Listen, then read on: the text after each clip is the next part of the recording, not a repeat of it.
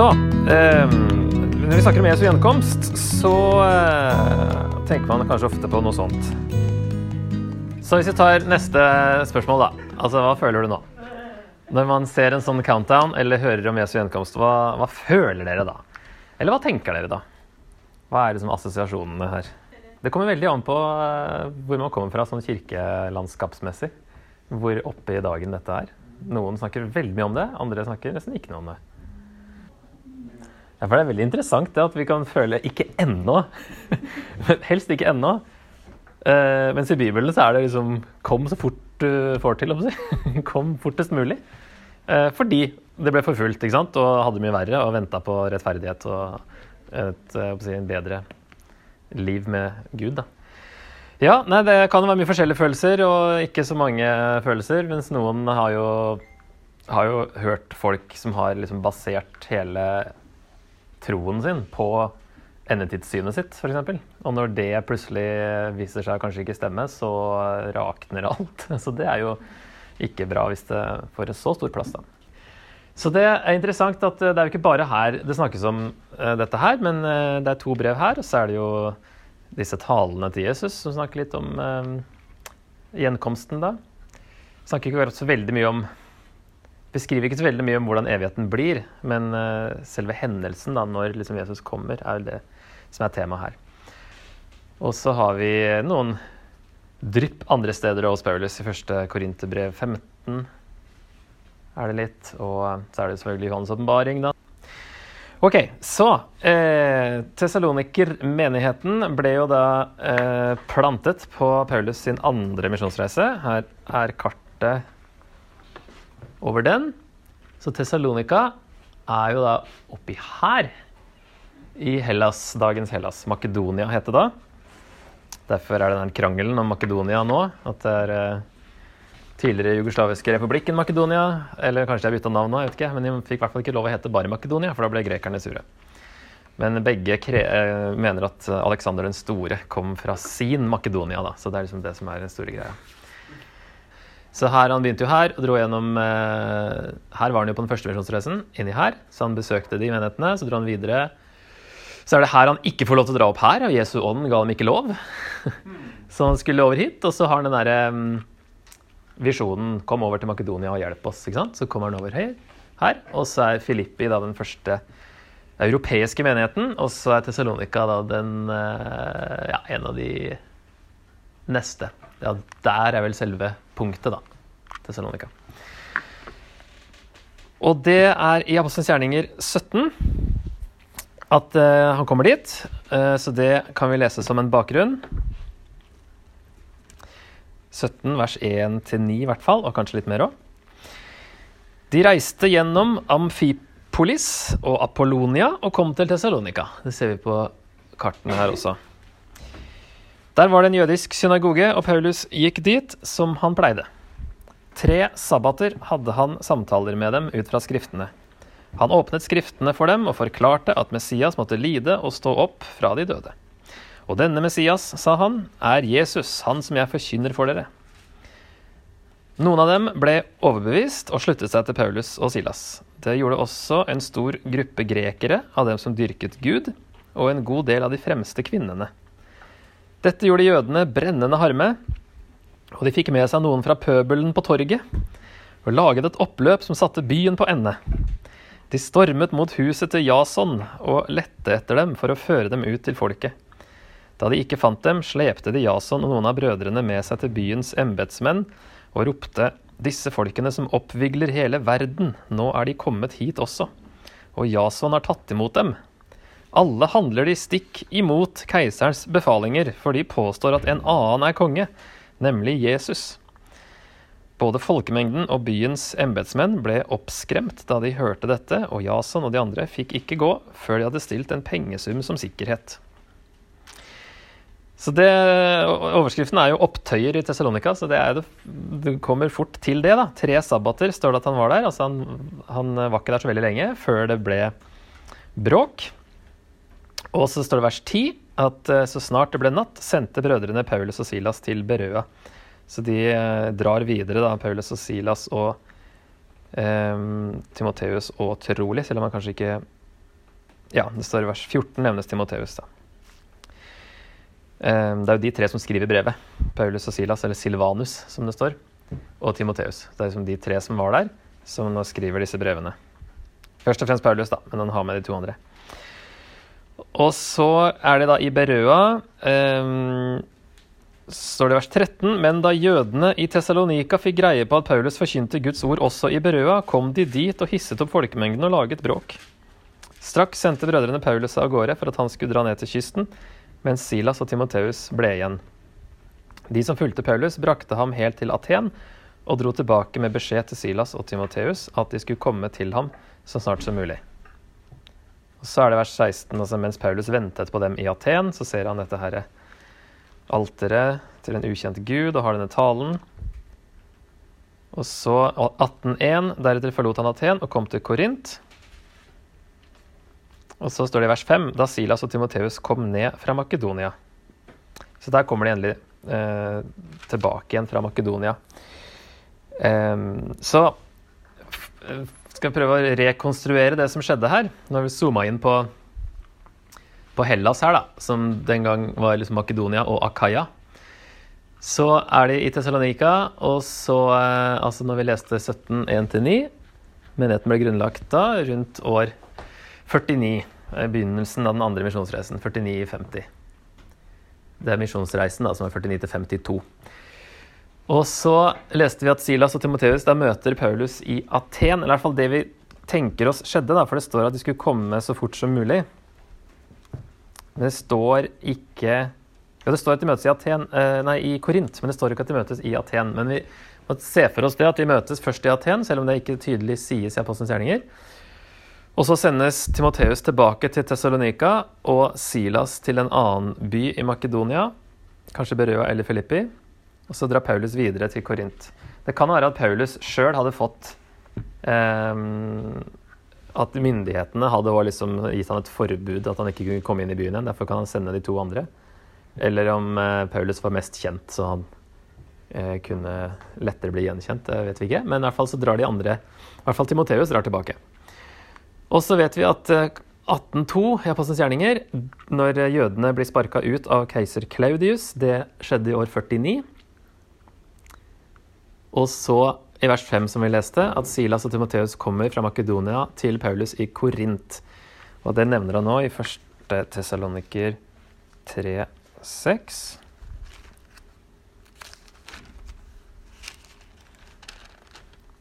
Nå er Timoteus nettopp kommet tilbake fra dere med godt nytt om deres tro og kjærlighet. Så det kan da virke som at de møttes først i Aten, og han sendte dem tilbake, og så kommer de og møtes i Korint igjen. Og så står det i 1811 i Apostelens gjerninger at Paulus ble 18 måneder i Korint. Så første og andre tessaloniker ble trolig skrevet år 50 eller 51 fra Korint.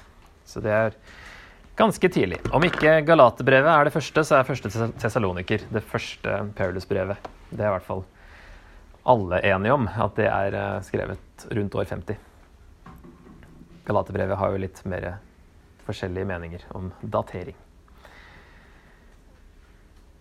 Ok, så det er ikke så nøye alt det her, men altså de drar ned her. Um, så sender han tilbake opp her til disse byene, i hvert fall til Salonika, og så drar Paulus til Korint, og så kommer Timoteus til Korint og avlegger rapport. Og Paulus eh, blir glad og skriver dette brevet når han har hørt rapporten fra eh, Timoteus. Han prøvde to ganger eh, å besøke dem, sier han. Sjøl, og det gikk ikke. Men Timoteus fikk det til. Han forklarer ikke helt hvordan sånne ting henger sammen, men han sier i 2.18 Derfor ville vi besøke dere, og jeg, Paulus, forsøkte både én og to ganger, men Satan hindret oss. Han tolker det som eh, åndelig motstand, i hvert fall.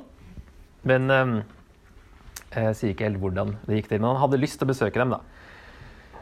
Um, både én og to ganger. Og når han var der bare tre uker, så er det jo Han ble liksom ikke ferdig da, med eh, den grunnleggende opplæringen, virker det som, av en ny menighet. Og det står i 3.1 i første tess 3.1 da vi ikke lenger holdt dette ut, bestemte vi oss for å bli alene igjen i Aten og sende Timoteus til dere, vår bror og Guds medarbeider i tjenesten.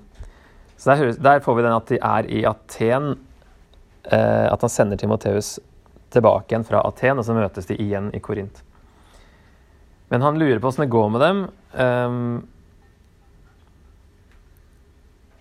det står altså i vers 17 um, Vi lengtet etter dere og håpet inderlig å kunne se dere ansikt til ansikt. Derfor ville vi besøke dere. Og da vi ikke lenger holdt dette ut, så bestemte vi da at jeg ble, jeg ble Aten, og Timoteus besøker dere.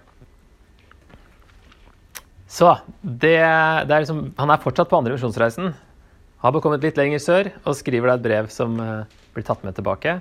Der han fortsetter på en måte undervisninga som han ikke ble helt ferdig med. Og i tillegg så har Timoteus kommet med noen uh, ting som de lurer spesielt på. Spesielt det her med de som eh, har allerede dødd før Jesus kommer igjen. Hva skjer med de når Jesus kommer igjen? Så tidlig venta de Jesus tilbake. At han skulle komme mens de fortsatt var i live alle sammen. Og så er det noen som har dødd. og det rakk ikke Paulus å snakke om, ellers hadde de ikke helt fått tak i det. da.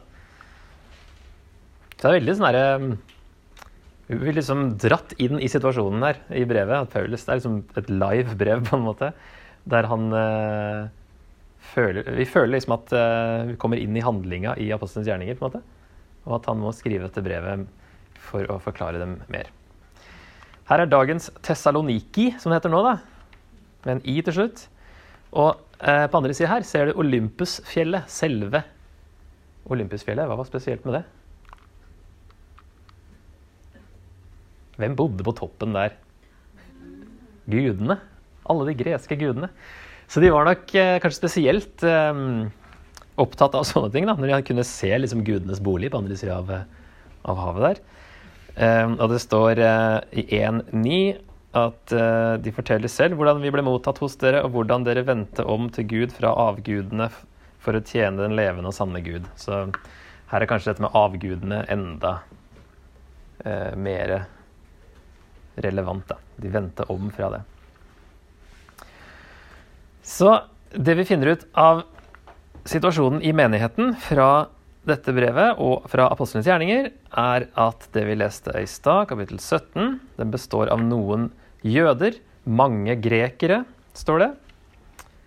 Um, og det er det verset jeg leste nå, altså 1.9. Det de vendte om fra avgudene. Det er jo det grekerne måtte gjøre, mens uh, de jødekristne, eller de som var jøder og så ble, kom til å tro på Jesus, de hadde ikke noen avguder å vende seg fra. Men noen jøder, mange grekere, og så nevnes det en god del av de fremste kvinnene. Også han som heter Jason, som vi egentlig ikke vet så mye mer om, bortsett fra at han er eh, nevnes i rombrevet, tror jeg. De har også et lederskap, men det er jo vanlig fordi Paulus ofte utnevner eldste når han har vært rundt og plantet menigheter. Um, I hvert fall deres foresatte i Herren, står det da i 512 dem som sliter og arbeider blant dere, de som er deres foresatte i Herren og som rettleder dere. Så det er fall et slags lederskap uten at det nevnes eh, hva de kalles, da. Men eh, f.eks. i eh, Filippe-brevet så nevner han tilsynsmenn og diakoner. Eh, som at det har de der, i hvert fall. Eldste og tilsynsmenn, det er stort sett det samme. Så Paulus, Vi leser fra noen steder i Apostelens gjerninger at han utnevner et eldsteråd liksom, før han drar videre. Så ganske, trolig ganske liten menighet, da. Um, som da er ganske ung. Og det pågår forføl forfølgelser, leser vi en del om. Allerede i åpninga at de blir forfulgt. Uh, og nevner også utover i kapittel 2 og 3. Og så har han òg et uh, avsnitt uh, i kapittel to der han uh, på en måte forsvarer seg litt om hvordan han oppførte seg da han var hos dem. Og det kan jo være at noen har kritisert han for hvordan han oppførte seg, oppførte seg da han var der. At han, de satte han i en sånn bås med typisk omreisende filosofer som bare vil utnytte folk og loppe folk for penger. Så det er mulig at det har blitt liksom baktalt etter at han dro derfra, og liksom at eh, han ble kasta ut av byen med en grunn, jeg på si. Um, uh, og at de da klarte å sverte han litt, da, så han må forsvare seg litt, litt der. Og så er det det at jeg er bekymra for hva som skjedde med de, de, av dem som døde før Jesu gjenkomst. Spesielt i 4.13 og 4.18. Vi vil at dere skal vite, søsken, hva som skjer med dem som er sovnet inn. Dere skal jo ikke sørge som de andre, de som er uten håp. Sovnet inn er jo da en sånn snill måte å si dø på. sant? Så av og til når Jesus så sier at uh, hun bare sover, sier han om dattera til Jairus, er det vel? Hun er ikke død, hun bare sover. Så, men uh, på en annen måte han skal vekke henne opp igjen. Um, og i vers 18 Trøst og sett mot i hverandre med disse ordene. Så det virka som de var litt motløse. Menigheten er relativt ung. Paulus var der bare tre-fire uker, og han skriver dette brevet kort tid etterpå. Og det bør leses som et oppfølgingsbrev til nye kristne. I 3.10 så står det Natt og dag ber vi inntrengende om å få se dere igjen, ansikt til ansikt, og utfylle det som ennå mangler i deres tro. Det sier noe til mange, da, men her er det kanskje enda mer relevant. At uh, skulle gjerne vært der og tatt det her ferdig, men i hvert fall her kommer det et brev, da. Så han snakker selvfølgelig, eller f.eks. ikke om um, rettferdiggjørelse ved tro i det brevet her, for det har de akkurat fått undervisning om, og det er ikke det de lurer på. Han snakker om det de lurer på. Så det, vi får jo se liksom at de brevene her tar opp spesifikke problemer og ting som de trengte svar på, da. Det er ikke bare sånn at Paulus det, I og med at det var dyrt å skrive brev òg, så er det ikke sånn at Paulus bare setter seg ned og har lyst til å sende et brev til noen, og så skriver han det som faller han inn. Det er alltid en veldig god grunn til at de skriver, og at han svarer på spørsmål ofte. Så det er ikke så rart at han ikke fikk tatt ferdig endetids uh, og Jesu gjenkomst. Hvis det liksom er det siste som skal skje, så kanskje det er det man tar til slutt da, i en sånn der uh, nystarta menighet. De grunnleggende ting i kristendommen. Og så ble han jagd ut før han rakk å ta det er ferdig. Og det er ingen spor av vranglære her, sånn som i Galaterbrevet og mange andre brev. Her er det forfølgelse, men det er ikke vranglære. De er jo bare uh, Har ikke vært, eksistert så lenge gjennom den menigheten. Så heldigvis så har de klart å holde seg til eh, evangeliet, da. Så en eh, inndeling. En todeling først, da. Kapittel 1, 2 og 3 er en lang oppmuntring, egentlig, hvis vi ser det store bildet. Der han eh, på en måte styrker båndene mellom dem. Ehm, de gjør mye bra, og han oppmuntrer dem til å fortsette sånn og gjøre det enda bedre. Og så snakker han om at han vil besøke dem. Så litt sånn tilbake hvordan de tok imot evangeliet, og litt framover at han uh, håper å få treffe dem igjen, da. Og så er det liksom det hovedteologiske kommer da i kapittel 4 og 5. Der han snakker om eh, hva en gudfryktig livsstil er, altså et hellig liv. Og det henger sammen med gjenkomsten, Jesu gjenkomst, fordi man må jo leve hellige liv til Jesus kommer. Og så er det litt mer formaninger sånn i kortere form på slutten da, til også et gudfryktig liv. Så hvordan leve til Jesu gjenkomst er liksom den del to. da. Og det er kanskje det som gjensto av undervisning også på dette temaet.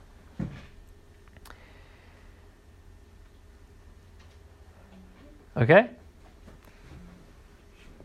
Åpninga er jo hele kapittel 1, egentlig. Åpninga av brevet. Der eh, vi da får disse forsmak, forsmaken på temaene i brevet. Det er i hvert fall en sånn eh, en vanlig ting som Paulus gjør, fordi han eh, lager, strukturerer disse brevene som eh, man strukturerte en tale i antikken. Og der skulle åpninga bl.a. introdusere temaet, eller temaene. Og man skulle få eh, oppmerksomheten, og man skulle få liksom eh, Det var forskjellige måter, forskjellige liksom, sjangere innenfor denne her retorikken. Da. Men man skulle i hvert fall få liksom eh, eh, Lytterne liksom innstilt på å høre det som kom. Så her eh, holder han på i tre kapitler kanskje, da, med å liksom varme dem opp.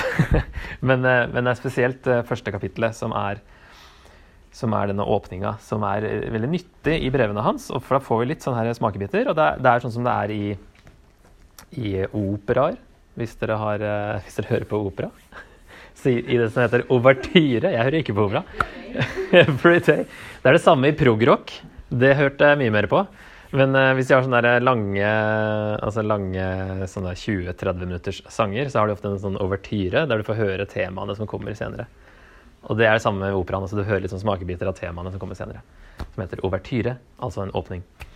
Og det samme gjør Paulus, egentlig. Litt sånn smakebiter av hva som kommer. Så eh, det han nevner i eh, åpningen her, da, er jo da bl.a. at de, dere er virksomme i tro, arbeider i kjærlighet og holder ut i håpet. Vers 3. Her har vi jo tro, håp og kjærlighet.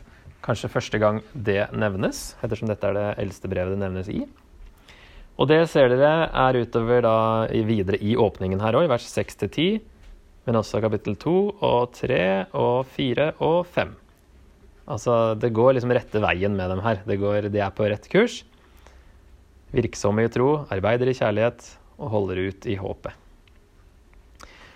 Og så sier han i vers 4.: Dere er elsket av Guds søsken, og vi vet at dere er utvalgt. Det er også en ting som kommer, i hvert fall i kapittel 5, og det dukker opp igjen i andre Tessaloniker. Dette med at de er utvalgt. Jeg skal snakke litt om det etterpå. Og så sier han vers 5 og 6.: Da vårt evangelium kom til dere, skjedde det ikke bare med ord, men også med kraft ved Den hellige ånd og med full overbevisning. Dere vet selv hva vi gjorde hos dere. Vi tenkte bare på dere, og dere fulgte vårt og Herrens eget eksempel da dere under hard motgang tok imot ordet med den glede som Den hellige ånd gir. Så han snakker da her og senere i kapittel 2 om hvordan det var da vi, eh, evangeliet kom til dere. Altså hvordan, da vi var der. ikke sant? Det må forsvare seg litt i kapittel 2. Men han eh, drypper litt i åpninga også at dette kommer vi tilbake til. Hvordan det var da evangeliet kom til dere. Og så er det vers 10, da, at eh, å vente på Hans sønn fra himmelen. Det er jo dette temaet om eh, Jesu gjenkomst, som nå kommer i kapittel 2 og 3 og 4 og 5.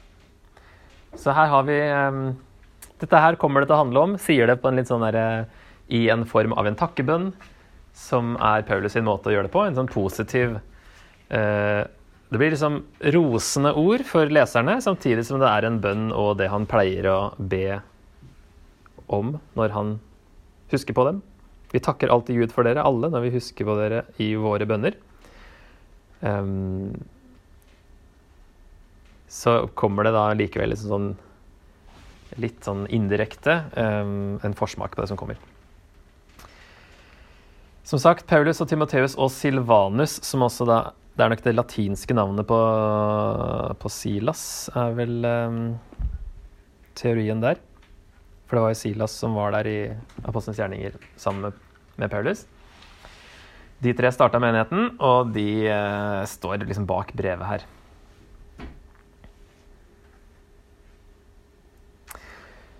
Og så er det en del sånne påminnelser. Ganske mange påminnelser i løpet av disse brevet her, som dere ser. Dere vet selv hva vi gjorde hos dere. Vi tenkte bare på dere. Dere vet selv, søsken, at dere ikke tok imot oss forgjeves. Vi opptrådte aldri med smigrende ord, det vet dere. For dere husker, søsken, hvordan vi strevde og slet. Dere og Gud selv er vitner om hvordan vi levde. Dere vet også at vi var mot hver enkelt av dere som en far. For dere vet jo selv at dette er lagt på oss. Da vi var hos dere, sa vi dere på forhånd at vi skulle møte motgang. Slik gikk det også, som dere vet. Dere har mottatt og lært av oss hvordan dere bør leve. Dere vet jo hvilke påbud vi ga dere. For dere vet godt at Herrens dag kommer som en tyv. Det er mye de vet, og det er liksom dumt for oss at Paulus ikke snakker om det mer. Altså, Når vi kommer til andre tesaloniker, så er jo det den store nøtta som ingen vet svaret på. Når jeg snakker om den lovløse som ikke skal komme før det som holder igjen, tas bort, så sier han dere vet hva som nå holder igjen. Slik at han åpenbarer seg først når hans tid er inne. Og så har det vært Jeg leste, eller jeg leste ikke, men jeg fant en 500 siders eh, doktoravhandling på tysk. Derfor leste jeg ikke den. Uansett hadde jeg ikke lest den. 500 sider om de to På gresk er det to ord 'det som holder igjen'. 500 sider om å finne ut hva er det som holder igjen. og Paulus sier 'det vet dere hva er', så det gidder jeg ikke å nevne her. Og bare Filler'n, Paulus! At du, at du, rakk å si det før du ble kasta ut, for da hadde vi Dette er andre sesoniker 2.8 det som holder igjen denne lovløse si, antikrist-fyren. Det har vært så mye spekulasjoner. Så det er liksom tydelig at han har Dette er et brev som bare utfyller det han har allerede fortalt dem. Og uh, av og til er det dumt for oss. Andre ganger er det veldig bra. F.eks. i første korinterbrev er det veldig bra at de hadde så mange tullete ting de holdt på med. At vi får så mye hjelp til uh, hvordan vi skal leve. Um, mens her er det får vi ikke alt vi skulle ønske. Og han uh, sier også i åpningen altså eh, at eh, vi takker alltid Gud for dere alle når vi husker på dere, i vers 2. For vår Gud og Fars ansikt husker vi stadig. Han allerede begynner der å snakke om dette 'husker dere'. Eller ja, dette, eh, dette med å minne dem om ting som, har, som de egentlig vet. da. Så på en måte så er det jo, ikke sant, Når vi leser Paulus og prøver å finne ut um, og tolke det han skriver, så er det jo på en måte som at vi hører bare ene enden av en telefonsamtale. Vi hører bare Paulus, så vet vi ikke hva han har sagt før. Vi vet ikke hva de har sagt eh, til han, eller hva de har sendt via Timoteus. Og så må vi prøve å finne ut av hva som, hva som foregår, ved å høre bare ene enden av telefonsamtalen.